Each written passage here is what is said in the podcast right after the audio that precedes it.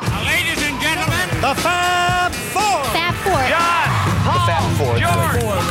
Fab Four. Not four. Fab Four. We have for you the Fab Four.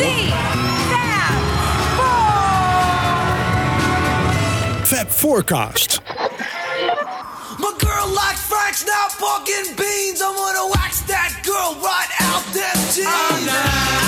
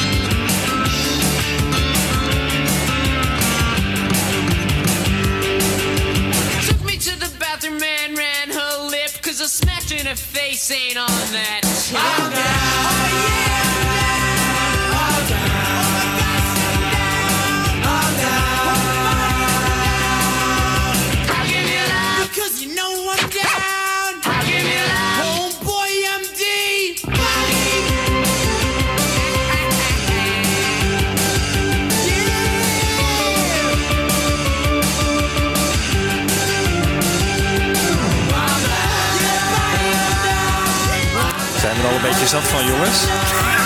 Nee hoor. Nee? Nee, gewoon nog een keer. Nog een keer. Nou, het duurt nog. Even kijken, 42 seconden. Jan Kees zie ik wegzakken. Ah, 35 seconden, Jan Kees. Dat lukt, hè? Oké, draai nog even door. Zijn ze nou down? Wat zeggen ze nou precies? I'm down.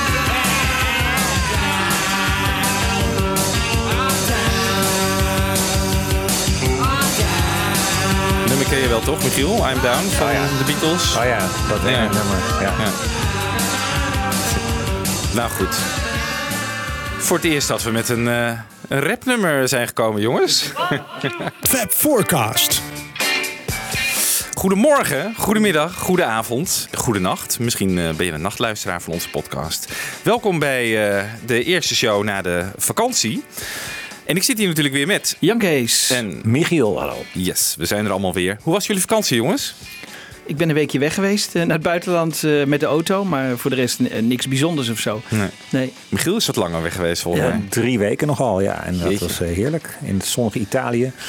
En eh, ja, bijna Beatles-vrije vakantie. eh. Ja, ik Ja, zeggen... ook niet gelezen of zo, boeken. Toch één boek gelezen, ja. Dus eh, niet Ja. helemaal... Want je hebt soms wel eens van die Beatle-ervaring op Ja. vakantie. Dat je Ja. echt Oh, op het toilet of zo een Ja. poster Ja. ziet hangen of zo. Nou, dit jaar was ik inderdaad in hetzelfde dorp als waar ik toen een jaar of vijf geleden was. En daar hing nog steeds een bepaald schilderij van de Beatles. Maar ja, dat, dat wist ik dat het er hing. En het grappige is, ik weet ook nooit, ik onthoud nooit namen van dorpjes. Maar ik weet dan wel eh, inderdaad waar... Hey, wacht even, dit was dat cafeetje met dat Beatles schilderij in de, in de wc. En daar, dat, hing- dat hing er nog steeds. Ja, ja. Dat onthoud ik dan weer wel. Heel goed. nou, ik ben in Nederland gebleven, ook twee weekjes. Hartstikke lekker aan het strand eh, geweest. Dus, Geen eh, Beatle-ervaringen.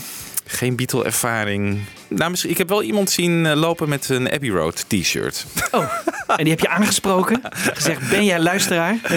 Dat had ik eigenlijk moeten doen. Hè? Ja. nee, nee, niet gedaan. Nee. nee, maar verder ook redelijk eh Beatles-vrij eh, geweest. Alleen de laatste weken natuurlijk even weer voorbereiden voor, voor deze shows. Onder andere waar we het vandaag over gaan hebben. De McCartney 321 documentaire. De track die je net hoorde was I'm Down, had je wel herkend. Maar dan van de Beastie Boys. Dat is een onuitgebrachte track van hun eh, debuutalbum License to Ill uit 86. En die is geproduceerd door Rick Rubin. En Rick Rubin is natuurlijk eh, degene die eh, met McCartney, die McCartney 321 eh, een documentaire heeft gemaakt. Hij is de interviewer, Paul de geïnterviewde natuurlijk.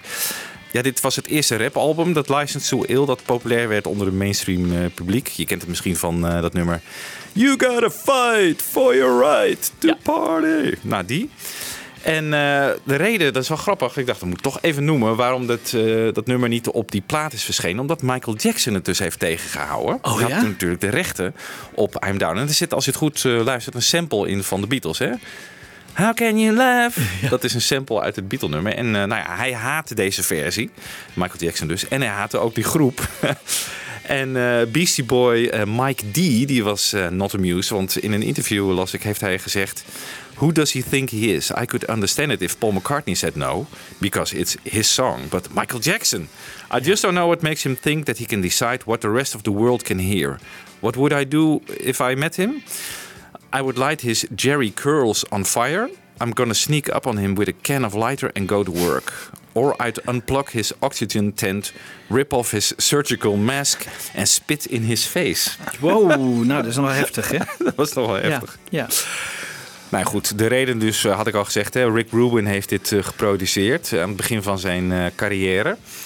De naam doet waarschijnlijk wel een belletje rinkelen. Hij is een van de meest eh, ja, gerenommeerde producers uit eh, van de laatste 20, 30 jaar, zoiets. Hij is de man achter de Red Hot Chili Peppers, ehm, eh, Blood Sugar Sex Magic en Californication. Grote, grote albums waren dat. De wederopstanding van Johnny Cash bijvoorbeeld. Neil Diamond. Neil Diamond heeft, ja. heeft hij geproduceerd, inderdaad. Walk This Way uit eh, 86, dat die samenwerking van Run DMC en eh, Aerosmith, of eigenlijk Steve Tyler en Joe Perry. Grote crossover rap rock hit was dat destijds.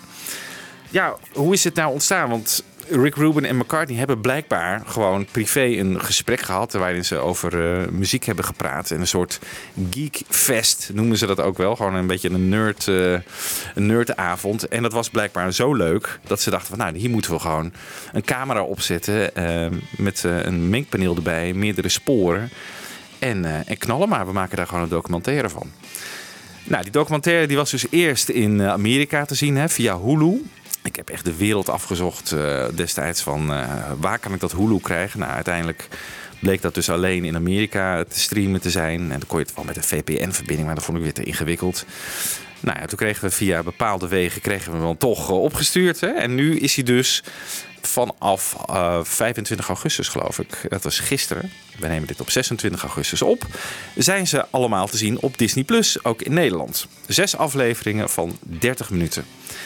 En eh, nou, ik wil nog even kort een quote laten horen van de regisseur van eh, deze documentaire. Die heet Zachary Heinzeling.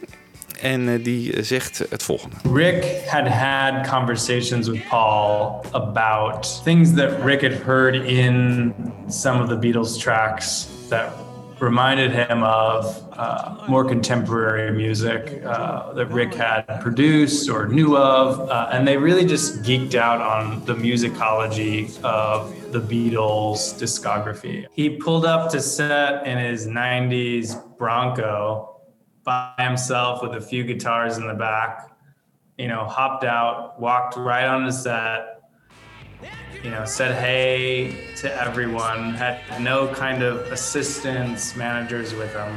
Immediately started talking with Rick. We basically just started filming from the minute he arrived to the minute he left. If he's having fun, if he gets to go and play the guitar that he wants to, great. If he gets to go play, if he gets to tell the story, if he gets to listen, I mean, you can see he's having so much fun li- re-listening to what are songs that he's, I'm sure, heard millions of times, but it's almost as if he's hearing it for the first time, or as a fan of his own music, singing along. Dat zie je inderdaad ook wel. Hè? Dat, en het benoemt McCartney ook in die documentaire dat hij eigenlijk gewoon een groot Beatle-fan is. maar eh, ja, de, de- even de setting eh, neerzetten. Ik weet niet of je hem al gezien hebt. Misschien is het handig voor de luisteraars dat je eerst die documentaire even ziet en dan onze eh, bespreking daarvan beluistert. Want er zitten hier een hoop spoilers in. We gaan ook allemaal fragmenten laten horen waarvan die ons opvielen. Dus aan jou de keuze. Je kunt hem nu even uitzetten. En als je nu nog luistert, dan wil je het gewoon horen. Dus dan gaan wij verder. De setting, hè? het is zwart-wit gefilmd. Vond ik opvallende keuze. En het leuke vond ik eigenlijk dat die foto's die erin kwamen... eh, allemaal, dat waren oorspronkelijk zwart-wit foto's, maar die zijn allemaal ingekleurd. Dus het is eigenlijk meteen, het is eigenlijk omgedraaid.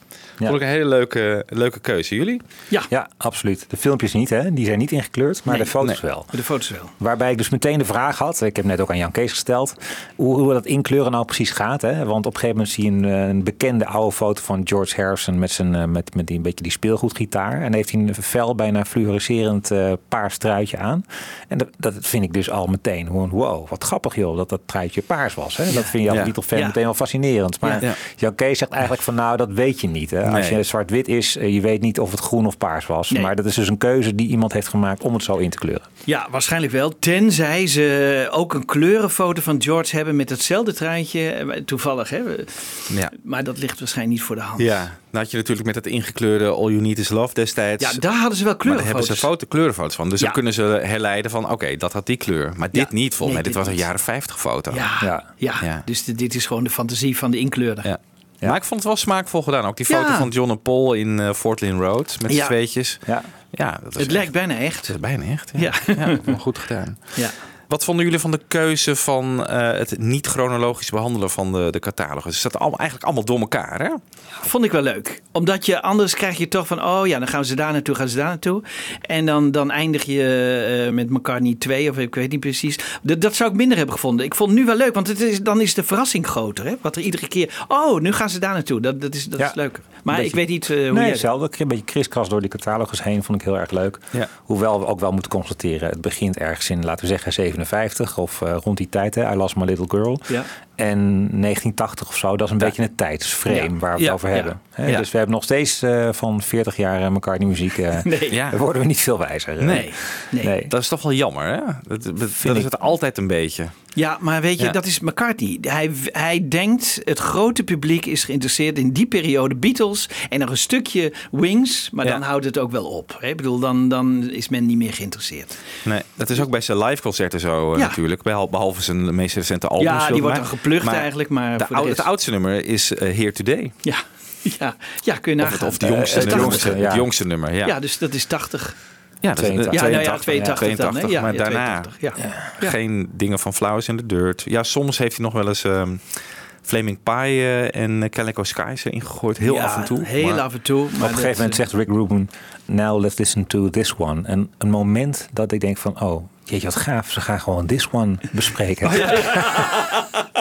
maar nee, dan wordt het weer yesterday of zo. Ja. Ja, ja dat wordt dan Check My Machine. Dat vond ik trouwens wel wel een leuke keuze. Ja, die is echt van Rubin geweest. Ja. Die heeft McCartney beslist niet zelf. Die, die, die is daar wel voor, dat, maar niet in zo'n uitzending. Ja, dat vraag ik me dan af. Hè. Ik, ik heb met jou ook nog wel via de telefoon even gehad, eh, Jan Kees, over van wie heeft die tracks uitgekozen. En ik denk van, ja, het is allemaal Rubin geweest, maar jij Nee, zegt nee, nee, nee, nee, nee, nee, nee, nee. Het, is, het is voornamelijk McCartney geweest. Hè, want ze hebben natuurlijk een overleg gedaan van... oké, waar kunnen we wat over praten? En dan zal Rubin ook wel hebben gezegd... Goh, ik, wil, ik wil ook graag dat of dat erin hebben. Vind je dat goed?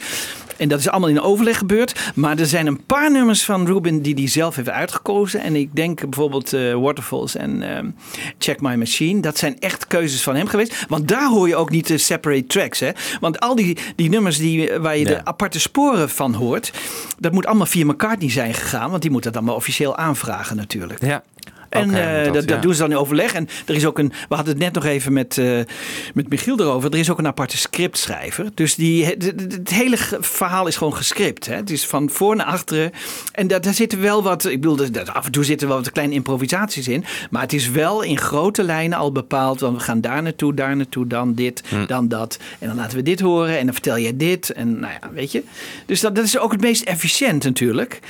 Maar het is niet zo dat, eh, dat het gewoon een gezellig gesprek is. Oh, nu laat ik je even eh, de bas horen uit de Wild My Guitar. Luister eens even. Nee, zo is Ja, het niet. het is voor hun denk ik ook makkelijk dat het eh, door elkaar loopt. Dat het niet chronologisch gaat. Want ze gaan gewoon twee dagen een beetje praten over muziek. Daar komt het eigenlijk op neer. Hè? Ja. Gewoon, ze hebben gewoon, laten we zeggen, 20, 30 nummers. eh, waarvan ze sporen hebben. Waarvan ze dingen willen laten horen.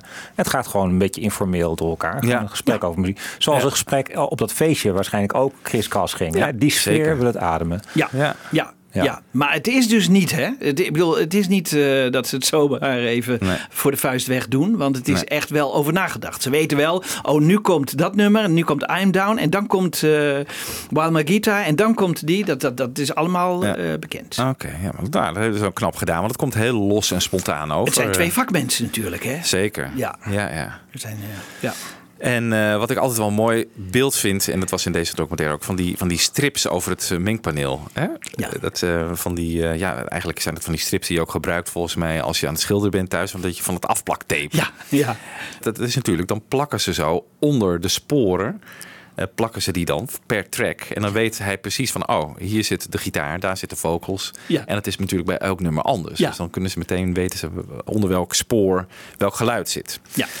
En eh, ja, ja, het viel mij meteen weer op. McCartney die aan het kauwgom kauwen is. Ja. Ja. Ja, in aflevering 1 is dat, hè? Ja. Ja. Dat niemand tegen hem zegt, doe dat niet, hè? Nee. ja, ik vind het zo raar. Ja. Het, het ziet er zo... Het moet, zo, no- het moet iets van nonchalance of zo. Ik weet niet wat, wat het Maar is, maar, maar het komt niet tegenovergestelde tegenovergestelde effect. Ja, ja, Ja. klopt, ja. En dat is dan weer een nadeel. Hè?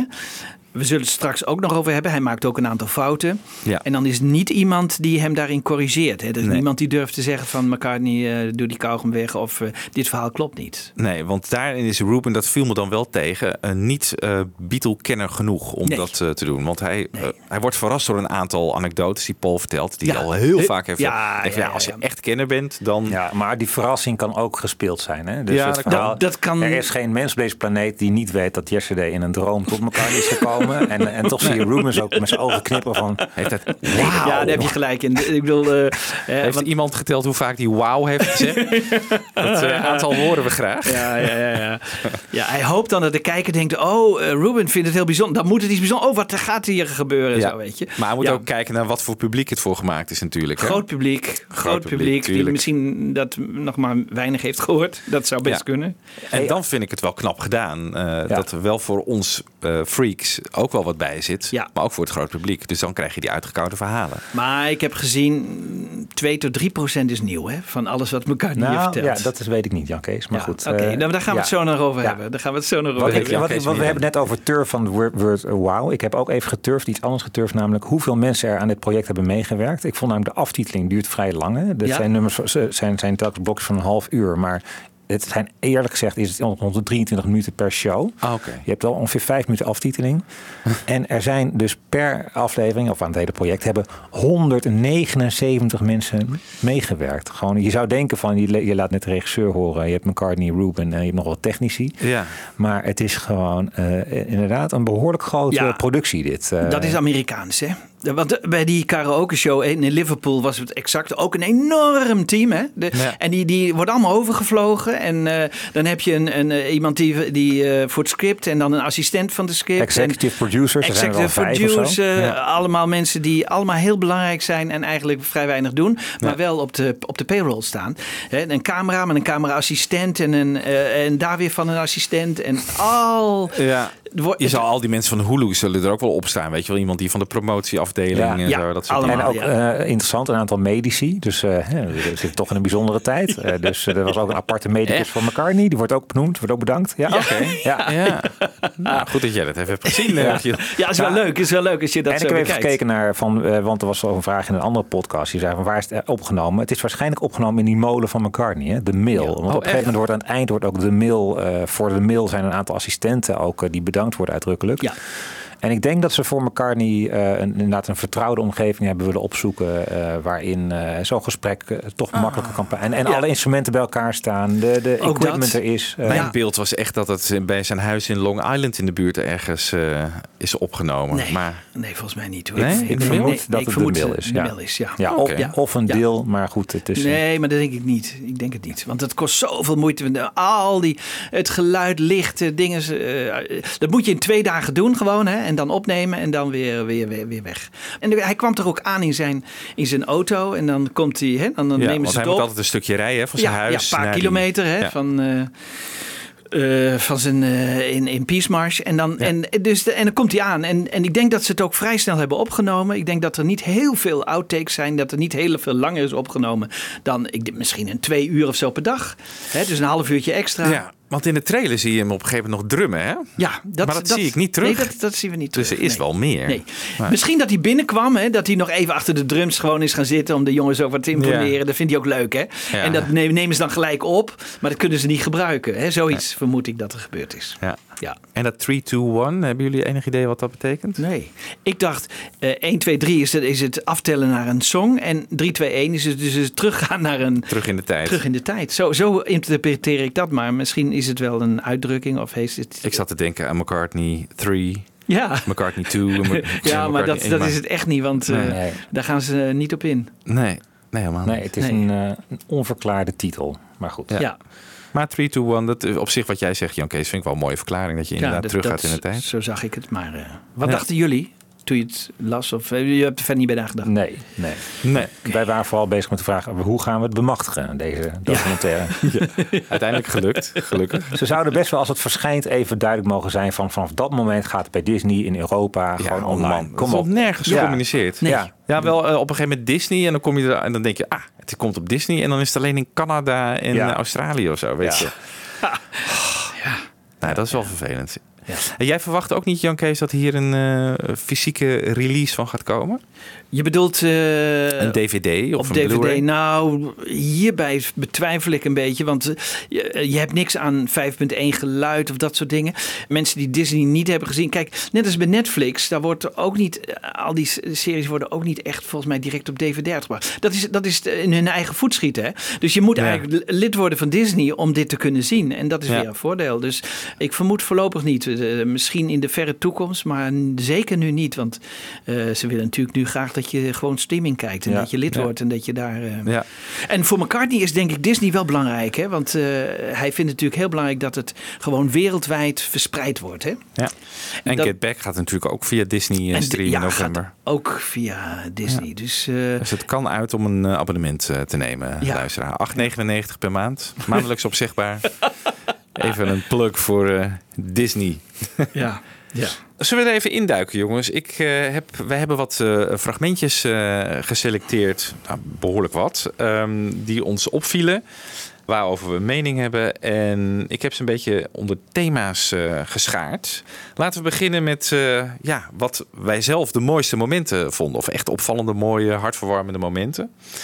Laat ik even beginnen met eh, een heel klein stukje.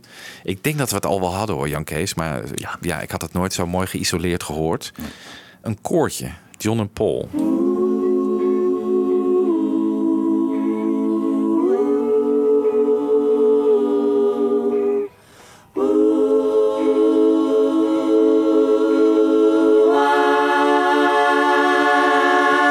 ja, heel mooi. Ik moest even denken van, waar is dit uit? Ja. Maar als je dan heel zachte backing track op de achtergrond hoort, hoor je... Oh darling, Oh, is het. darling. Ja. Prachtig. vond ik Heel het. mooi. Ja. Heel mooi. dan Ze beginnen mooi- er ook mee, geloof ik. Hè? Ja. Nou, dit was verderop volgens mij, in Oh. een van de latere afleveringen. En het was een soort tussengeluidje. Ja, ja, ja, Dus ja, het- was niet, het had geen functie. Want het was wel leuk. Daar had ik nou wel graag even. Hè?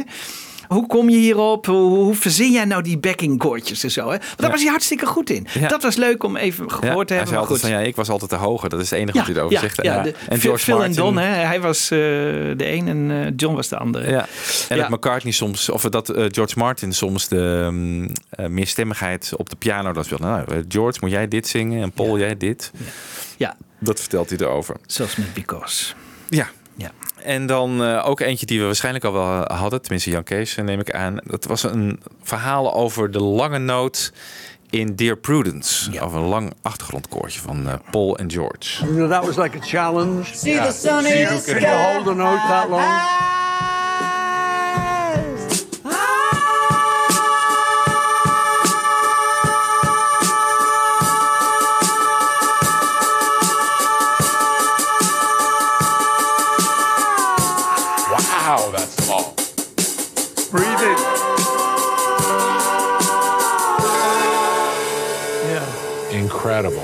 Was just, you know, it's like you wanted it to go right through. We could have stopped it halfway. Yeah, yeah, yeah. Taking a breath. Yeah. it? But it was like, it's like mischief. No, you know, let's try and see if we can hold it. So it was like, Yeah. you know, And that would have been you, John and George singing Yeah, together, think so, probably. yeah. typically. Yeah, that's that high notes me. Yeah. Yeah. No, I, d- I remember that. We would do that. It was like, it's so long. It's so long. Yeah, but you can do it. We can do it. No, we can't. It's too long. Yeah, yeah. Let's try it. Yeah, yeah, You know, and it, you, you're playing around. Yeah, it's fun, you know. So you're pushing yourself. Ja. Ja. Wist jij dat van die lange noot? Nou, nee. Niet, niet, eh, dit verhaal wat McCartney erbij vertelt is hartstikke leuk. Ja. Weet je, dat, dat, is, dat is hartstikke leuk. Dat is echt, eh, Ja. We hebben het natuurlijk wel gehoord. We hebben hem separate, hè. we hebben hem los. Ja. Maar niet dat, dat ze hebben, oh, Dat we het gaan het uit- toch proberen. dat het een En- uitdaging ja, was, dat vind ik zo leuk. Weet je, dat, dat vind ik dan heel erg leuk. Dat hij hier gewoon, hij is er nog en hij kan daarover vertellen. En of het nou helemaal waar is. Maar weet je, hij geeft in ieder geval de spirit weer. Want het is natuurlijk allemaal wel... 52 jaar geleden. Maar eh, wel heel erg leuk. Dat hij, dat hij daarover praat. Eh, alleen al. Vind ik heel leuk. En dat ze het laten horen. Ja. Ik had ook nog een moment waarbij ik McCartney echt eh, heel gepassioneerd over eh, andermans muziek hoorde praten. Dat ging over Fela Kuti. Hè. Hij was natuurlijk in 73 in Lagos in Nigeria voor Band on the Run. En dat hij daarbij een optreden was van Fela Kuti. Laten we even luisteren wat hij daarover zegt.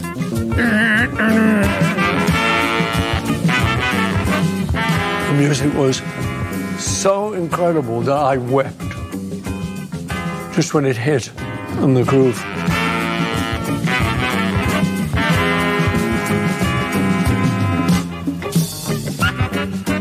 That was one of the greatest music moments in my Yeah. life. Yeah, it sounds Hearing incredible. that so live. Ja. Wist jij dit? Dat hij eh, Nee. heeft het nooit eerder ergens verteld, hè? Nee. Nou, ik vind het wel een, een beetje een. Ja, ook hier, jij zegt net al van Dear Prudence, hè, je, je hoort dat fragment en hij gaat er later wat bij vertellen van, ja. Ja. maar kunnen we het doen? Ja, we kunnen het. Kom, nee, dat kan niet. Ja, het kan wel. Doe het gewoon. en hier heb je dan die Fela Kuti, die, eh, waar die dus een optreden in 73, moet je even denken, dat is toch ook alweer bijna 50 jaar geleden. Ja. Hij vertelt ook precies de opstelling eh, van de band. Je had twee conga's, je hebt een, eh, een shaker, je hebt eh, een koortje, je hebt een drummer die helemaal een soort basis, weet ik veel. Hij heeft een heel verhaal bij. En ondertussen laat hij ook de beelden zien. Ja. ik denk dan van ja, hij, bedoel, wat weet jij nog van een concert van, van laten we zeggen tien jaar geleden? Hoe Ja. precies de band eruit zag en hoe dat allemaal op het podium stond. Dat weet je, ja, als je de beelden net hebt van, van het concert Ja, hebt, ja. dan kan je het over vertellen. Dus dat gevoel heb ik hier. Van hij heeft eerst die beelden en dan kan je, kan je er best gepassioneerd over vertellen. En dan heb je het hey, wat leuk dat hij de beelden ook nog even erbij heeft. ja. Maar het Ja. is wel heel leuk, dat geef ik toe. eh, want we hebben vooral de negatieve, het negatieve beeld van Fede Kuti. Die zegt van, je, Ja. ja. je jat mijn eh, ritmes, je, je Ja. jat Ja. mijn muziek. En hier eh Ja, spreekt hij precies. er heel Ja, precies. Ja, over. ah, ja, Dat ja, is, we hebben ruzie met hem gehad. Ja. Maar Michiel, als dat nou een van je allerbelangrijkste muzikale momenten uit je leven is, Ja. dan heb je dat toch wel eens, dan vertel je dat. Zoals hij zegt hè, bij Jimi Hendrix, hè, de eerste keer Sgt. Pepper, dat is een van de belangrijkste. Daar kan, ik me voorstellen, daar heeft hij het over. Maar hier heeft hij het nooit over gehad. Nee. Als het nou een van die belangrijkste momenten is, dan vertel je dat toch Nou, heb je dat eerder verteld. Hij heeft zoveel interviews Ja. gegeven. Ja, dat Ja. vind ik ook een beetje verdacht. Maar, Dat vind ik verdacht. ja. Ja. Maar goed, we moeten hem de, Het is toch het wel- voordeel van de twijfel geven. Hij heeft gehuild hierbij. Ja, ja. Ja. Goed. Ja. ja. Ook een heel grappig moment vond ik deze. Lucy in the sky diamonds. High, the high harmony. Follow her down. Rick, thi- this is why we don't go into tapes. Beautiful. It's beautiful. Leuk hè? Ja. Is hij dan later uitgemixt of zo? Of, eh, ja, dat moet bijna wel toch? Dat denk ik wel, ja. ja, ja, ja, ja, ja. Maar dat is best gek dat ze dus losse tracks hebben. Ook van op een gegeven moment Maybe I'm Amazed. Met een heel hoog eh, gitaartje wat erin zit. Wat er Ja, later is ja. uitgemixt. Ja. Ze hebben best bijzondere losse sporen nog eh, erbij Nee, maar dit zijn gewoon losse sporen voordat ze gingen mixen. Hè? Dus dan Ja. mixen ze dat eruit. Hè? En, en, en bij, die- bij, dat, bij dat gitaar, dat is ook, Ook. er gewoon uitgemixt. Ja. Maar Ja. dan heb je wel het origineel. Dus da- daar zit het nog in. Maar hoe kan is- het dat wij dat nog nooit gehoord hebben? Of heb je dat wel gehoord? Eh, nee, dit is mij eh, nooit opgevallen. Maar ik denk dat wij, de, de mixen die wij hebben, die zijn al schoongemaakt. Hè? Ja, dus tuurlijk, denk ja. ik, ja. Ja. ja. Ja, dus eh, dan... Nee, dit, dit zet hij natuurlijk niet op een box Nee, of zo. Nee, nee, nee. Voor de eeuwigheid Nee, bewaard. Maar het is wel leuk dat ze toch even opgevallen waren, was. Hè? Want dat is natuurlijk even. Dat, en dat is weer leuk. Dan is hij producer. En dan hoort hij dat. Hè? En Dan, dan, dus dan wil hij dat ook even laten horen. Dat vind ik wel heel erg leuk. Ja, ja, ja, leuk ja. ja. En op een gegeven moment eh, zit hij, eh, ja, dat zal dan in de mail zijn inderdaad, op een bankje met een gitaar. En eh, Ruben in zijn korte broek in kleermakers zit. en dan vertelt hij over John. He wore glasses and I didn't. So if we got into an argument, I would call him Four Eyes. You know, Four Eyes. And he would go, Pigeon chest. My chest is not as developed as his or whatever. Wist ik niet, dit. Nee, maar dat, nee, en dat klopt. Dat vind ik een mooie, mooie keuze om even te laten horen. En dat is eigenlijk mijn algemene gevoel over deze documentaire. Van, natuurlijk zitten er heel veel verhalen bij die je al duizend keer gehoord hebt. Ja. Eh, nou ja, ik, op een gegeven moment dacht ik van, dat kan toch niet waar zijn dat Jimi Hendrix nu weer voorbij gaat komen. Ja, Dat gebeurde, In alle concerten vertelt hij. Ja. Ja. Nou ja, een van de, volgens mij show nummer 6 begint met Yesterday, die heb ik gedroomd. Nou ja, denk je echt van, oh, gaap.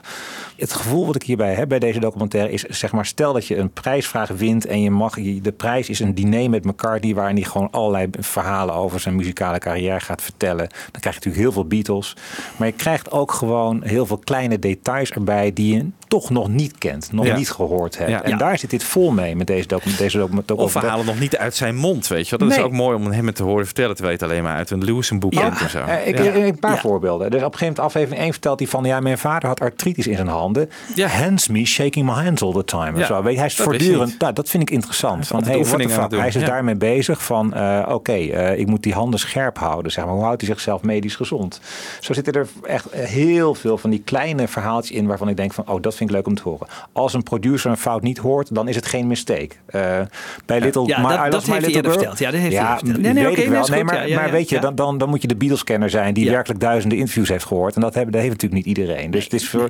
Nee. Nou, ik denk, en denk ook dat er heel veel diehard fans zijn die dat nog niet hebben gehoord. Ehm I Lost My Little Girl zit een, zit een contrapunt in. Gaat naar boven en naar beneden. Dat, dat is ook, ook leuk. Nee, dat Nee, had hij misschien eh, in de context van Unplugged gaat hij dat niet vertellen. In deze context gaat hij dat wel vertellen. It's the Bardic Tradition. Ook weer Ja. heel leuk. Eh, dus dat is de traditie van eh, we schrijven niks op. We, we hebben het niet van papier, maar we hebben het puur, eh, we brengen het over eh, vocaal. Ja. Dat hij en John altijd zeiden van ja, het is de Bardische traditie, omdat we toch een beetje een soort Easter roots hebben. Ja. Nou, dat, al dat soort dingen, en daar zit elke aflevering vol mee. Dus die, die kleine details, Ja. die maken dit voor mij een heel erg Ja. bijzonder document. Het zijn vaak tussenzinnen, hè? kleine zinnetjes Ja. erbij waarvan je op moet letten, maar die, die, Ja. die- dan, dan zitten er nieuwe dingen in. Ja. Daar ben ik met je eens. Daar ben Ja. ik met je eens. Ringo, waarom valt Ringo op? Omdat hij altijd een vrouw versierde door twee sigaretten tegelijkertijd aan te steken. Ja, ja, Ik denk dat iemand is Mark Lewis en die smult hij van. Hè? Dus dit dit zijn echt, eh, de, Ja. de- de- dat geeft kleur aan het verhaal. En dat, daar zit het vol mee. En dat, dat zijn ook authentieke details. Ja. Dat klopt. En het is ook mooi om elkaar niet gewoon te zien, luisteren naar die multitracks. Gewoon de, de Ook. uitdrukking op zijn gezicht. Ja. De Dat- drums, die af en toe mij drumt mee. Hij, hij geniet Ja. ervan. Ook. Ja. Ja, Ja. hij geniet met volle teugen, zeker. Ja. Ja. Nee, dat is heel erg leuk. Dus ik vind het, eh, want ik heb ook hele cynische reacties gezien op deze documentaire. Van, oh, het kan toch niet waar zijn. De zoveelste PR-stunt, de zoveelste uitgekoude verhalen. Maar je moet echt heel close luisteren. Je moet het eigenlijk misschien wel drie keer zien. Ja. Als je naar al die kleine zinnetjes gaat luisteren. Ja. Die hij, eh, die kleine, ja. Maar zijn die niet voor ons interessant? Ja, hè? voor het grote publiek Ook- minder. Nou, ook allebei denk ik toch wel. Want het zegt iets over Ringo. Hoe hij Ringo Ja, nee, daar ben ik mee. Maar die artritis en, en dat soort dingen. Ik bedoel, misschien toch voor ons is het leuk. Ja. Ik bedoel, wij, wij, wij smullen daarvan. Ja. Maar eh, Ja. hè, wij willen eigenlijk liefst alleen maar dat soort verhalen Ja, maar dat kan niet natuurlijk. En dat kan natuurlijk kan niet. niet. Dat kan natuurlijk Nee. niet. Nee. Nee. Niet met zo'n grote productie. Nee, nee, zeker niet voor een groot publiek. Nee. nee. Dus we mogen blij zijn met wat we hebben gekregen. Wat vonden jullie van Rick Rubin als eh, interviewer eigenlijk? Goeie keus? Ik denk Ja. wel een goede keus. Jij zei net hoe hij erbij zat. Hè? En, Ja. en dat is ik bedoel, de grote meester vertelt. En hij laat hem gewoon vertellen. En dat, dat doet hij heel goed. Maar af en toe denk ik, ja, oké, eh, eh, ga nog iets meer erop in. Hè? Bijvoorbeeld, eh, op een gegeven moment dan luisteren ze naar A Day in the Life. En dan hoor je dus de- dat ene beroemde ding, stukje waarin Paul zingt.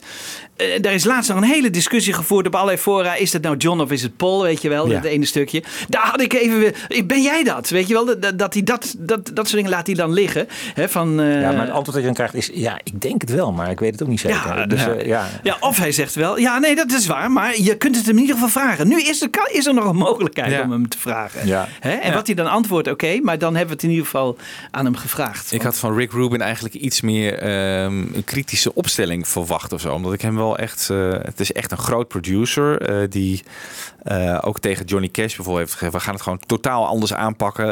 en volg mij, maar ik weet precies hoe ik jouw carrière weer een nieuw leven in kan blazen. Weet je, als Godrich op Chaos, weet je wel? Dat hij Ja. gewoon zegt van, maar hij, Ja, ik, maar vond, ik een- vond hem wat te In een te interviewsetting werkt dat minder bij elkaar niet hoor. Als je met kritiek komt. Dat werkt minder. Ik bedoel, je haalt hem dan niet uit zijn comfortzone of dan gaat hij meer vertellen. Zo Nee. is het niet. Ik bedoel, eerder het omgekeerde. Als je met hem meegaat en je lacht en de- dan komt er meer uit dan Ja. wanneer je hem echt gaat aanpakken. Ja.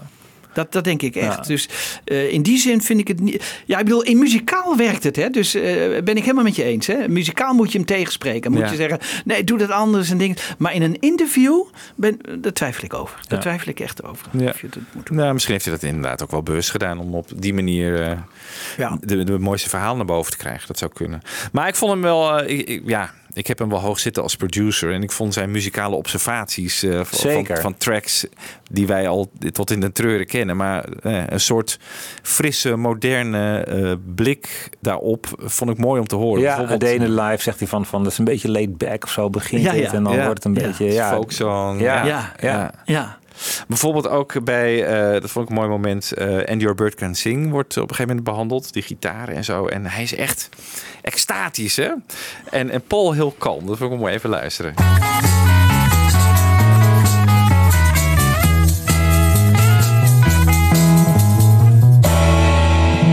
And we're listening with the drums out, and it's still Yeah. full on Yeah. cooking. Good, isn't it? Yeah. So that's the thing. You can hear the excitement of us just making stuff up, For sure. can't you? For sure. It's just like, yeah, well, let's do that. Oh, okay. You know, it sounds thrilling. Like, and I think what it is is you guys were excited Mm. making it, and we get to feel your excitement. yeah. You can. It's a human feeling that's in that performance. Yeah. Clearly, Yeah. these guys are going for it, Really, yeah. and you feel it. Because it all had to be done so quickly. Yeah, it's contagious. Yeah. You know, like the, the energy is contagious. Yeah, yeah. Ja, dat doet mij dan wel weer met andere oren luisteren naar Andy Bird Can Sing. Dan denk ik van, nou, Ja. nu ik weet dat, ja, die energie erin, denk ik van, oh ja, dat is inderdaad, dat Ja, is en waar. dat hij ook zegt van het is eigenlijk een song in een song. Hè? Want als je puur het ritme blijft volgen, dan zou het ongeveer anders, het zou heel anders gaan. Maar dit is echt weer een ander. Ja, Het voegt zoveel toe aan dat nummer. zeker. is heel leuk zijn observatie. Maar je hoort dat McCartney er niet echt op ingaat. Hè? Nee. Nee, hij houdt een beetje van. Houdt ja, een beetje ja, afstand, ja. Ja, het, moet, het Overigens- moest snel opgenomen worden, zei hij. Ja, het moest Ja. snel opgenomen worden. Ja. Maar dat eerste stukje hoorde je ook dat het het langzaam was. Hè? Dus dat he- heeft eh, George Martin later versneld. Want eh, het is te langzaam. Maar nu horen we het origineel. En dan hoor je het nog even op de Ja. originele snelheid. Het Ja, begin. Ja, over die twee songs in één song. Dat, dat was ook in eh eh, While My Guitar Gently Weeps, hè? Ja. I've never heard a bass sound like that before. It's very unusual. Almost like two songs are happening simultaneously. Yeah.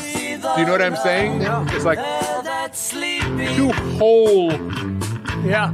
either one of them great, Yeah. and then right on top of each other. It's This is another, it's another song here. Yeah. Well, now, baby, what you got now? Wow. Yeah, you got it, yeah. Oh, Still my guitar gently Fascinating. yeah. No, it's just amazing. That's interesting you bring that up. I was not conscious of that till we listen to it now. I hear that tone on it, and it's like, wow.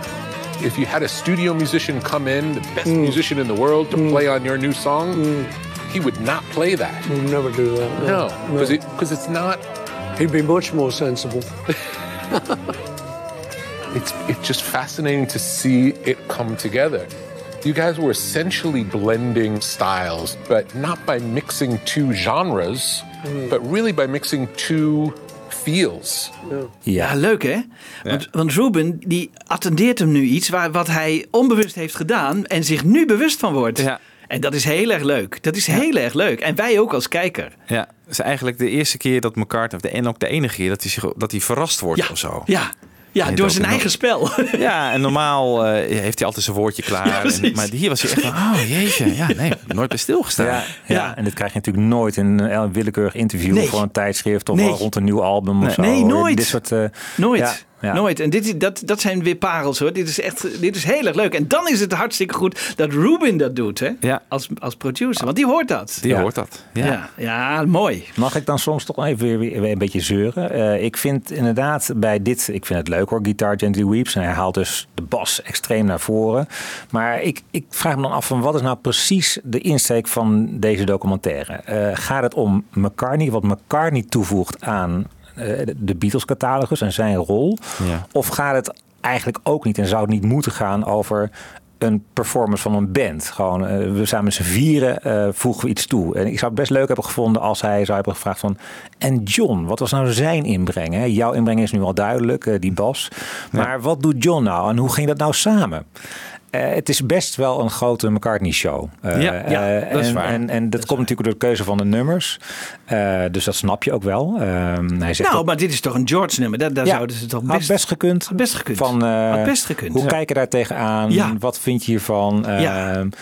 Ja, Ja, ik vond wel dat John en George en Ringo ook trouwens wel echt wel aan bod kwamen en hele mooie woorden van McCartney eh, Ja, kregen. Ja, maar wel nee. vrij algemeen. ja, Ja, vrij zeker, algemeen. zeker. Ja, maar niet in het proces. Nee, Nee, Something wordt er ook bij gehaald, maar dat is voornamelijk de bas. ook weer de ja, bas. ook weer de bas. Ook Het- weer de ja. bas. Het Ja. is wel een pro-McCartney. eh, eh, Dat snap je. Kijk, ik bedoel, Ja. het is natuurlijk een McCartney die wordt geïnterviewd. Maar ik had dan soms, dan vind ik de balans sluit een beetje ver door naar, naar zijn, wat hij toevoegt aan het nummer. ja. Ja, bij Get Back moet ik eerlijk zeggen, dan gaat het ook wel weer over Ringo's en drums. Maar ja, dat, dat had ik af en toe een wat ongemakkelijk gevoel. Ja. Maar het is misschien nog steeds onderdeel van die hele McCartney promotiecampagne die al sinds many years from now eh, is begonnen. Ja. Toch? Ja. Nou, dat, ben- dat ja. is een beetje Nee, inderdaad. Ik, dat is waar. Ik ben dus heel positief over dit document, over, dit, eh, over de insteek. Maar eh, inderdaad, er zit ook een beetje die, die PR-kant aan. De, ook, Ja. Ik ben eh, toch wel, ik heb wel bewondering voor alle nieuwe ehm, ja, vormen van documenten die worden verzonnen. Ik heb het niet alleen maar over McCartney 3 nu. En wat komt er dan ook uit? Een soort tribute-album van hedendaagse artiesten die McCartney 3 coveren. Ja. Dat vind ik toch wel weer bijzonder. Dat heeft iemand verzonnen. Dat heeft hij niet zelf verzonnen, denk ik. Maar iemand verzint van, hey, we moeten ja, een soort link leggen met de nieuwe generatie. En Ja. dat is weer vernieuwend.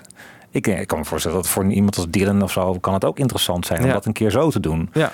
Ja. Maar McCartney doet dat. Ja. En hier ook weer van we gaan niet een traditionele talking heads documentaire maken, geen anthology achter iets, maar jij en Ruben samen, dat is gewoon ja, hij heeft precies de juiste mensen om zich heen om, om dit soort vernieuwende producten te maken. Ja. Het is wel een PR-machine, maar het is wel ook een interessante PR-machine. Ja. Het is niet eh, alleen maar. ehm, ja, nee, hoe gaan maar we het elkaar is, niet- hij heeft ook de, eh, echt een opzet. Hè? Want hij wil, eh, en dat merk je hier ook Ja. weer, hij wil bepaalde songs rehabiliteren. Hè? Dus bijvoorbeeld Opla Di Opla Da, die eh, altijd in het verdomhoekje, die wil die nu weer eigenlijk salonveeg maken. Hetzelfde eh, geldt voor Maxwell Silverhammer. Dat kiest hij niet voor niks. Hè? Kiest hij niet voor Nee. niks. Dat is Ja, echt... je ziet hem dan ook kijken naar Ruben. Hè? Als hij tonen, eigenlijk ziet hem even kijken. Wat, oh, wat voor blik krijg je Ja, hierbij? ja, wat voor blik krijg ik hierbij? Ja, Maar Ruben ja. staat echt van. Ja, ja, ja. Ja, ja, Eh, dan dat, dat mooie eh, moment van eh, Another Girl. Ja. Got it. Finally. Who played the guitar in that? I'm not sure. Really? I mean, I'm, I'm wanting to say it's me because it's bad enough. Ja, kijk, dit is weer wat Michiel net tegen mij zei. Hij speelt af en toe ook een beetje te, te bescheiden rol. Hè? Want hij weet natuurlijk, dit, is, dit ben ik geweest. Hè? Ja. Dit is niet voor niks hebben ze dit uitgekozen. Dat die gitaar nog even extra naar, naar voren kwam. Hij heeft dit nummer Another Girl niet voor niks uitgekozen. Dat, hij wil ook even laten zien, ik speelde ook gitaar goed in die tijd. Eh, het begin van de Beatles. Ik was niet alleen bassist, maar ik speelde ook. Ja, maar toch wel een opvallende keuze. Waarvan ik bijna doet vermoeden van. Hmm, dan had hij ook een andere kunnen, eh, kunnen kiezen natuurlijk. Bijvoorbeeld Ticket to Ride, waar hij ook op speelt. Ja, maar Taxman speelt hij ook. Eh, Tex- Ja, dit dus- Taxman dus- doet hij. Hè? maar die zijn- komt voorbij, toch? Die komt voorbij. Ja, die komt Ja, voorbij. Ja, Ticket to. Ride niet, maar eh Taxman wel. wel. Want, want dit is eigenlijk een beetje knullig eh, gespeeld. Even nog een fragmentje, dat gaat nog verder namelijk. It's a bold choice for you to play that. It's That's me. I specialize in bold mistakes.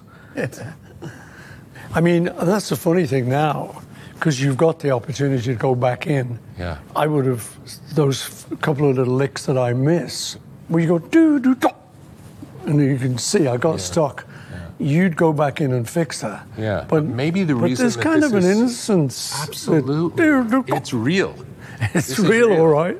It adds to the energy of the track of like, oh, it's so cooking that he can barely even play it. You know what I mean? Like it's it's running away. Okay, I'll, I'll, I'll go with that explanation. Okay. I wish I had you in school. no, he, he didn't make a mistake. He's just as enthusiastic. yeah.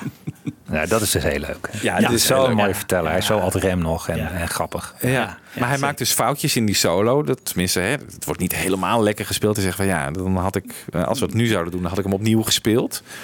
Maar dat doet mij toch afvragen van, heeft hij dit fragment dan zelf uitgekozen? Want hij wilde altijd natuurlijk heel erg goed opstaan. Het is bijna te persoonlijk, te menselijk bijna voor McCartney om, om zich hier zo weet bloot te geven of zo. Ik vind, Ja? ik vind het niet, ja, ik- wat mij doet vermoeden dat dit van Rubin afkomstig is. Maar Nou, ik denk het niet. Ik denk het niet, want hij, hij vindt het ook leuk om als gewoon als mens over te komen. hè. Ik maakte ook foutjes. Hè, Ik was wel geweldig, maar ik maakte ook foutjes. En dat maakt hem natuurlijk nog sympathieker. Dit, eh, Maar dan ontkent hij het toch nog wel even van. Ah, ik weet niet. Ja, dat kan ik zijn. Ja. ja. Ja, ja.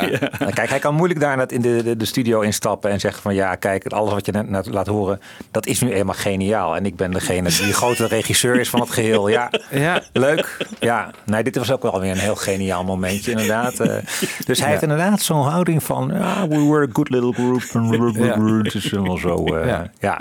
Maar ja, wie dit ook heeft uitgekozen, ik vond het een originele keuze om Originele Another Girl keuze, eh, te pakken. We kennen niet veel mensen. Nee, nee. En het ligt lekker in het gehoor. En eh, het is Ja. leuk eh, voor de mensen die dat niet weten, dat hij daar de solo-gitaar speelde. Hè? Dus Ja. dat is natuurlijk, eh, ja, Ja. toch leuk. En eh, ja, John komt natuurlijk ook veel eh, te sprake. Hè? Wat ik wel mooi vond op een gegeven moment, dat, eh, dat is aan het einde, dat hij Rick Rubin een, een quote voorleest. Die dus van John blijkt te zijn. En Paul die zegt hem nooit gehoord te hebben. I want to read to you one little thing. Yeah. It says Paul is one of the most innovative bass players that ever played bass, and half of the stuff that's going on now is directly r- ripped off from his Beatle period. He's always been a bit coy about his bass playing, but he's a great, great musician. Did I write that? That is John Lennon. That's John. Yeah. All right. Come on, Johnny. Yeah. That's beautiful. I, hadn't, it- I hadn't heard that before. It's interesting considering, obviously, you to be Yeah. leaders of something and Yeah. competitive situation. Yeah. So to hear that, He'd never said that to me. Yeah. So, but it's nice to hear that he said it to someone. And that's amazing. Ja. Ja. Heeft hij het nooit gehoord, denk je? Nou, Maar jongens, het hele citaat is toch veel langer? Ja. Heb je het niet gehoord?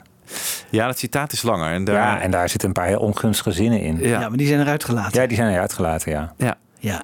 Ja, is zoiets van hij is een beetje ook een egomaniac, maar eh, ja, over één ding hoeft hij niet egoïstisch te zijn, namelijk zijn bas. Ja, dat zit er inderdaad in. ja, ja. Ja, Ja, dat klopt.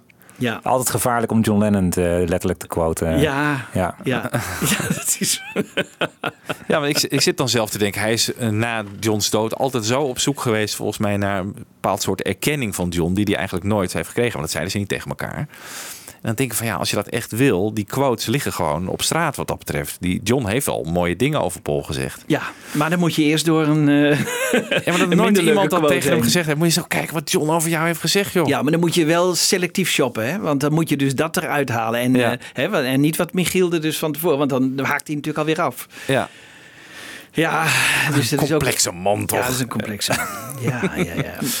Ik heb hier nog een quoteje staan van John praised Paul McCartney. Even luisteren hoor, wat dat is. I like this one. I like Here, There, Everywhere. And in fact, John liked this one. And John was not one to praise. yeah, Because, you know, we talked about him being a little bit shielded. yeah. You know, he, he just wouldn't praise anything unless he really liked it. After we'd made this record, we were going to film in Austria with the, for the film Help. Yes. And me and John shared a uh, ski chalet. So we were, we were taking our boots off and stuff. We were playing the album. I remember him saying, Oh, I like this one.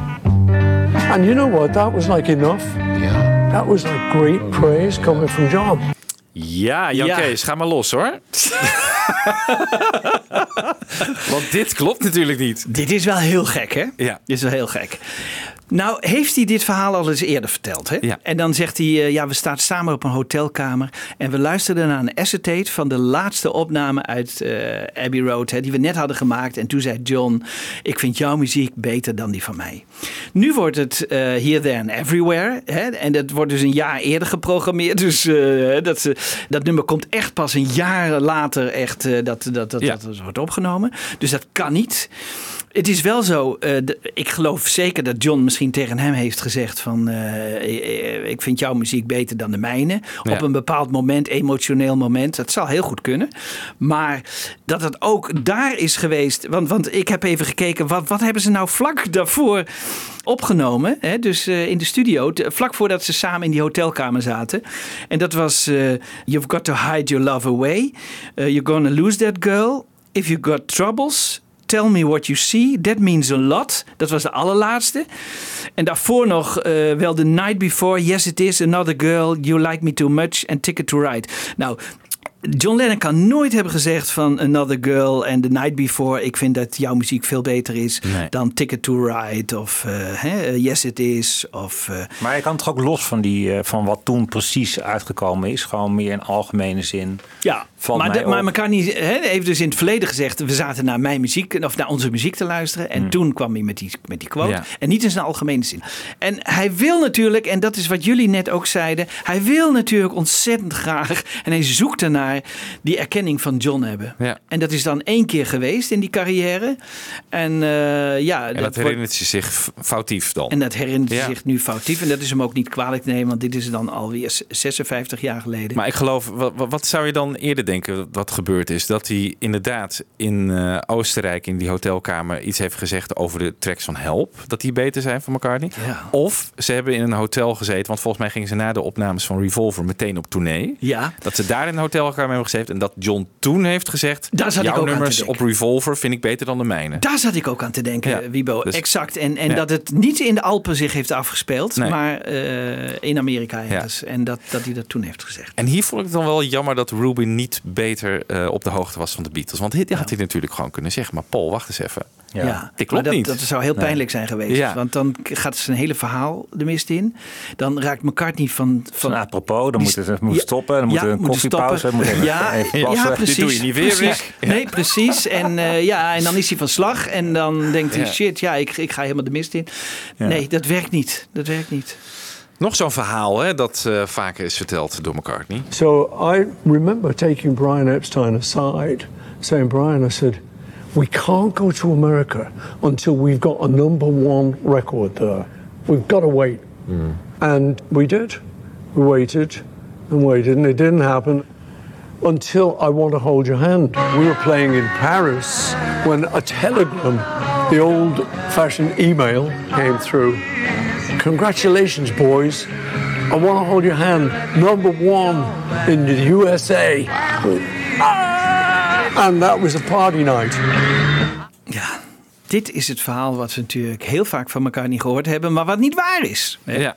Wat niet waar is, want we kunnen het gewoon aantonen. iemand Hè? hem dat vertellen. Ja, iemand moet hem dat vertellen. Dat is natuurlijk heel pijnlijk. Ja, dat gebeurt dus blijkbaar niet. Nee, nee, nee, Nee. Hij heeft Het is natuurlijk misschien ook... ook te laat. Want dan zou je moeten zeggen, McCartney, dat verhaal dat je nu al 86 keer hebt verteld. Helaas, het kan niet in de tijd. En het, kan, het kan ook feitelijk niet, want alles, alles was al geregeld van jullie komst. Ja, precies. Het had dus niks te maken met die nummer 1. Het was een fijne bijkomstigheid, maar verder, dat was het ook wel. Wat ik hier dan ook weer denk, want ja, dit zuigt hij misschien dan niet helemaal uit zijn duim. Maar misschien bedoelt hij, we gaan niet op tournee door Amerika voordat we een nummer 1 hebben. Maar ook dat klopt niet, toch? Nee, ook Nou, die, nee. die tour was volgens mij nog niet geboekt. Nou, in maar- februari. Die, die tour is van augustus volgens mij, toch? Oh, je bedoelt de tweede tour. Ja, nee, maar hij bedoelt echt Ja, naar ja. Amerika gaan. Hij bedoelt echt Ed Sullivan hoor, volgens mij hier. Ja, we're not going echt. to America. Hij zegt, Ja, Going to America, dat was hun doorbraak. Ed Sullivan was hun doorbraak. Hij wilde pas hun doorbraak als zijn nummer 1. Of Brian Epstein heeft niet geluisterd. En die heeft gewoon gezegd, ja, eh, je kan me meer vertellen, McCartney. we gaan gewoon naar Amerika zonder ook... eh, eh, Doen we. En Ja. ja, ja doen we, Pa- Paul hoor. En, en, en McCartney gelooft in dat verhaal. Want George zegt in Anthology, want daar zegt Paul het ook. Die zegt van, eh, it was handy to have a number one because we were booked to go there. dus ik, ja, nou ja, goed. En Ja. dan, ja, in aflevering 1 sloeg ik toch wel een beetje stijl achterover van dit. The other thing was, because I had this Frenchy thing in my mind, Edith Piaf did a record, Milord.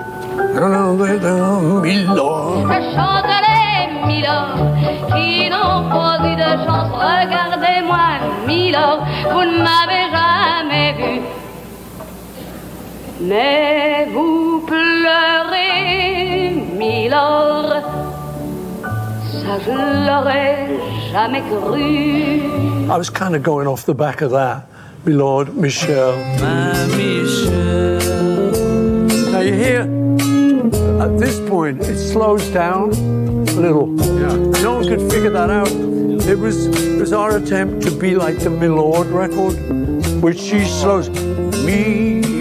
Bam, bam. but we didn't dare do that. So we just slowed down a little, bit. It just sounds like we, we got it wrong. Dit, Jan Kees, heb jij waarschijnlijk ook, had ik nog nooit eerder gehoord. Ik dacht van, nou, heb ik het nou gemist? Ik heb nog even Many Years From Now eh, erop nageslagen. Ja. Nee hoor, het staat er niet in. Nee. Nee, is ik toch ook. vreemd? Ja, is heel vreemd. Ja. Maar het is geen ondernemelijk verhaal, jongens. Wat is het probleem?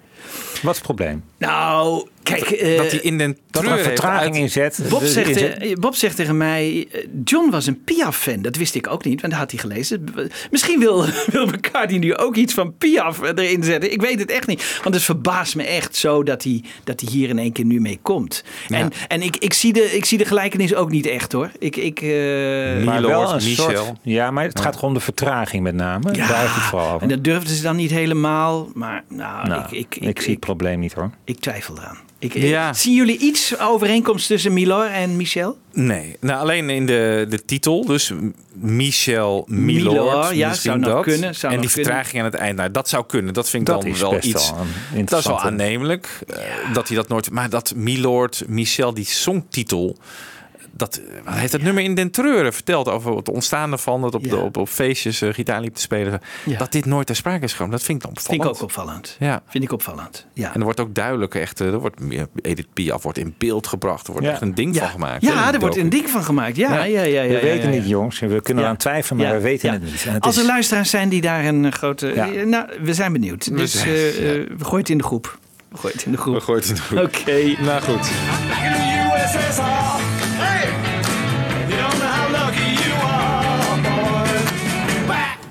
I maybe, uh, maybe I was showing Ringo what I thought the drumming should be. Hmm. I think, and he might have said, "Well, you do it."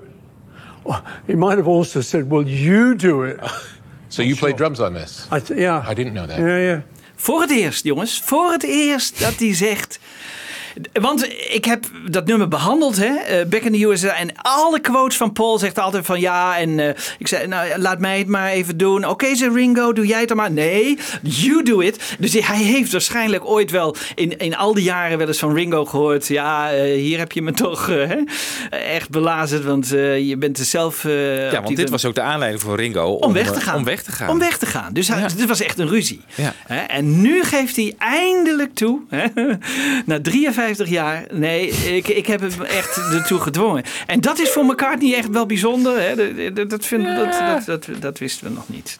Hè, dus vind ik wel leuk dat hij dat nu, nu ook echt toegeeft. Hè. Ja. Want ik joeg hem eigenlijk de, de studio uit. Want ik- en ik heb- ben er zelf achter die drums. Nou, dat zegt hij dan niet. Dat zegt hij niet, Nee. maar, Maar goed. het komt er wel op neer. Ja, ja, en eh, ik ben blij dat hij nu eh, de waarheid vertelt.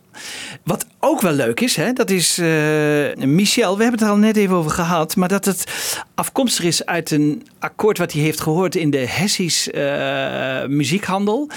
Kijk, dat had hij al een keer. En eh, Bob heeft mij even toegestuurd. Het had hij al een keer in de Blood Guitarist. eh, had hij dat al een keer verteld. Hè, dus eh, we wisten het wel. Maar we hadden het nog nooit gehoord. Hè, dus dat hij hem ook echt speelde. Dus dat is het nieuwe hiervan.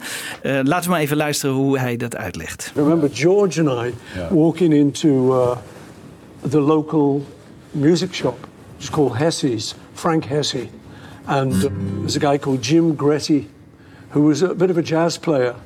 And he was filling in, working in the shop. But we watched him play once, and he did this. Me and George went, What is that? He goes, said, Well, it's F something. I don't remember. I don't even know what it is to this day.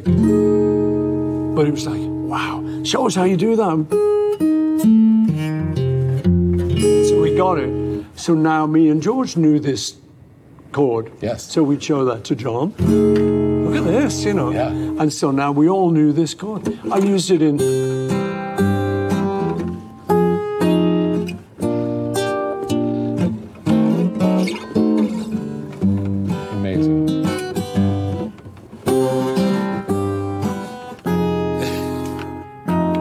Leuk om hem nu zelf dat, dat akkoord eh, te horen spelen. Hè? Dat vind ik altijd heel bijzonder. Want eh, hij heeft het dus wel eens verteld in een, in een blad. Maar nog nooit zo laten horen. En dat, daar leende deze uitzending zich natuurlijk geweldig eh, voor. Nou, hij heeft nog wel meer dingen verteld die erg leuk zijn. Bijvoorbeeld dat hij als kind naar de Maharishi keek op de televisie. Op de Ja. zwart-wit televisie. Leuk. En dat ze daarom moesten lachen. Nou, dat vindt Mark Lewis ongetwijfeld geweldig om Ja. dat te horen. En dat, hij, vond ik ook leuk, You Really Got Me van de Kings, dat hij dat zo goed nummer Ja. vond. Ja. Dat vond ik ook wel eh, Heel opmerkelijk, ja. Ja. goed. Dat Ja. hij- ja, leuk dat hij dat zei. Good, nee, Ja. good little song. Ja, Ja. ja, ja. Good little song.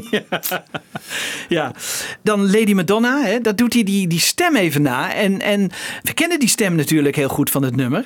Maar we hebben er nooit gehoord dat hij dat ook echt even eh, voor ons nadoet. Hoe hij dat dan deed. Um, I like to kind of change my voice a bit. So I like to sort of get a harder voice. Lady Madonna, yes, yes, oh. Of Lady Madonna. So go Lady Madonna, children at your feet. Wonder how you managed to make ends meet. Lady Madonna, yeah. is toch leuk, hè? Dat vind ik dan wel leuk dat hij dat... Hij kan zichzelf ook wel een beetje op de korrel nemen, weet je Ja, wel. Women and Wives doet hij het ook Ja, natuurlijk. ja, ja. Ja, ja, Willem, maar doet hij het ook, ja. Doet hij het Ja. ook, ja. Je hebt gelijk, Ja, maar ja. dit soort dingen die wist je natuurlijk wel. Maar het is leuk om hem zelf te horen vertellen. Om zelf te horen te vertellen. en Ja, het ja, voorbeeld ja. eh, erbij geven. Ja, zeker leuk. En ehm, Come Together, eh, dat nummer hebben wij natuurlijk uitgebreid in onze serie behandeld. Eh, Maar we hadden nooit een snelle versie van eh, die John Lennon, waar John Lennon mee aangekomen was. Dus wij hebben toen gevraagd aan Diederik Nonde en aan Bob de Jong om dat nog eens snel te spelen. En het blijkt dat die jongens toch heel dicht bij de werkelijkheid zaten. Want McCartney die laat nu horen hoe, hoe John ermee aankwam. Dus we, hebben een controle. En eh, nou, dat vind ik wel heel erg leuk. Dus laten we eh Paul het nog eens even zingen. De snelle versie van Come Together. Was when John came in. He come on flat up, he got grooving up slowly. He got juju, he want, holy roller. I'm saying, uh, uh, uh, uh, wait a minute, wait a minute. Ja, dat kon niet, want eh, er zat ook flat op in en eh, daar, daar zou hij mee in de problemen komen. Nou, wel heel erg leuk dat we dat nu voor het allereerst van McCartney horen hoe dat eh, geklonken heeft. Want dat is nooit opgenomen, dus hij is de enige die dat nog kan vertellen. Want Ringo heeft natuurlijk geen. Geen geheugen meer. Daar sluiten we mee af. Ja, ik had nog één quoteje. Dat vond ik wel mooi, want McCartney geeft eh, natuurlijk ook van die eh, colleges op eh, Lipa hè, in Liverpool, op zijn oude school. En dat hij altijd aan zijn leerlingen een bepaald advies meegeeft over songschrijven. I do a little songwriting class in my old school up in Liverpool. And one of the things I nearly always point out to the students is that it's good to have an end to a song because you've got to let the audience know it's finished. When we're on tour, every song of Roy's got a big end. It's There's always like a great big note. And he stops. Then it's like, there's nowhere else to go. You've got to clap that. So I say, well, yeah, I don't want you to do that, but think about letting the audience know you've finished. So we pick up little tricks like that. Ja, goed advies toch? Ja. Zullen wij deze podcast ook maar afsluiten nu, Ja. deze aflevering? Zouden die, eh, die colleges, zouden die nou gewoon opgenomen worden? Van ja, hem? vast. Met een videocamera. Want dat is natuurlijk fantastisch, Ja, hè? ja, ja. Daar zouden wij graag eens eh, hè, naar willen kijken. Dan zeg je wat, ja. Misschien moeten we eens een eh, leerling van Lipa eh, vragen. Ik heb wel eens contact gehad met die directeur van Lipa. Dus ik, ik kan hem nog wel eens mailen. Gewoon vragen van... eh Ja, bestaan dat. die? Is Ja, leuk. Ja, ja, want dit is natuurlijk fantastisch. Ja, maar dat is een goed advies dit trouwens. Want ik zit ook in een bandje. En we hebben heel vaak aan het einde dat we dan ja, gewoon doorgaan en dan gaan soleren, weet je wel. eind. Maar nee, je moet gewoon een einde aan je nummer hebben. Ja, want dat hadden de Beatles vaak ook problemen mee. Hè? Want sommige nummers die waren fade-out. Ja. En bijvoorbeeld eh, Love Me Do maakten ze dan gewoon een einde aan. Hè? Dus dan, Ja. dan eh, om dan maar het publiek het indruk te geven van hier stoppen we. Ja. Ja, dus dat, dat is. eh, Ja, mooi leuk. advies vond ik Mooi dat. advies. Ja. Nou, wij gaan dus ook afsluiten. Eh, talk More Talk wilde ik eh, draaien. Een rough mix. Ja, een beetje. Ja, ik denk van ja, we moeten mee afsluiten. Maar omdat, eh, ja, die boodschap erin, hè, Talk More Talk, Chat More Chat. Ik denk, ja, ik wil gewoon meer hiervan. En ik heb ook het vermoeden dat er veel meer eh, op de plank ligt van, dit, eh, van die twee dagen dat ze hebben opgenomen. Nou, ik dacht dat jij bedoelde dat Rick Rubin en McCartney moeten gaan samenwerken. Dat ook nog. Kijk, dat wil ik eigenlijk vooral. eh. Ja. We hebben het Ja. al vaker gezegd. McCartney Zeker. 3 was ook een beetje zo'n Rick Rubin-achtig eh, Ja. opzet. Dat had gekund. Ja. En Nee, nu dat zitten ze samen in de studio. En het is wel eh, zo'n heel mooi volgende. Ik, ik vermoed ook zomaar dat het gaat komen, eerlijk Ja, gezegd. Ze zijn nu samen en het is volgens mij... eh, Ja, het contact is gelegd. dat en, hoofd eh, staat ja. niet stil. En die studio, die kent Rick Rubin nu een beetje. Ze zijn met elkaar... eh, ze hebben een goede klik. Ja, wie weet op zijn tachtigste een samenwerking met Rick Rick, Rubin. Rubin. Nou, dat zou fantastisch zijn. American. Recordings, ja, dan de, de Bardic Recordings. Ja, dan, from hè? the mill. De Ja. mill recordings. Mail recordings, ja. Ja, jongens. Oké, tot de volgende show. Oké.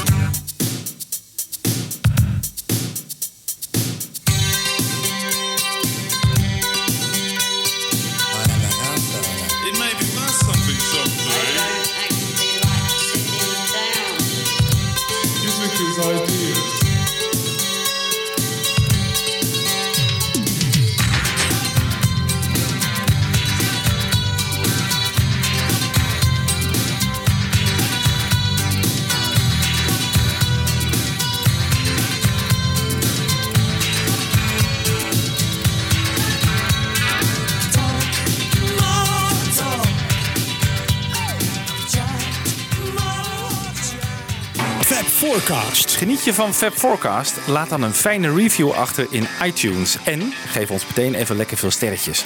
Dat helpt andere luisteraars weer om ons te vinden. Heb je vragen? Mail dan naar fabforecast.gmail.com of kijk op onze pagina's op Facebook en Twitter. En de afleveringen van Fab Forecast zijn ook te beluisteren via beatlesfanclub.nl.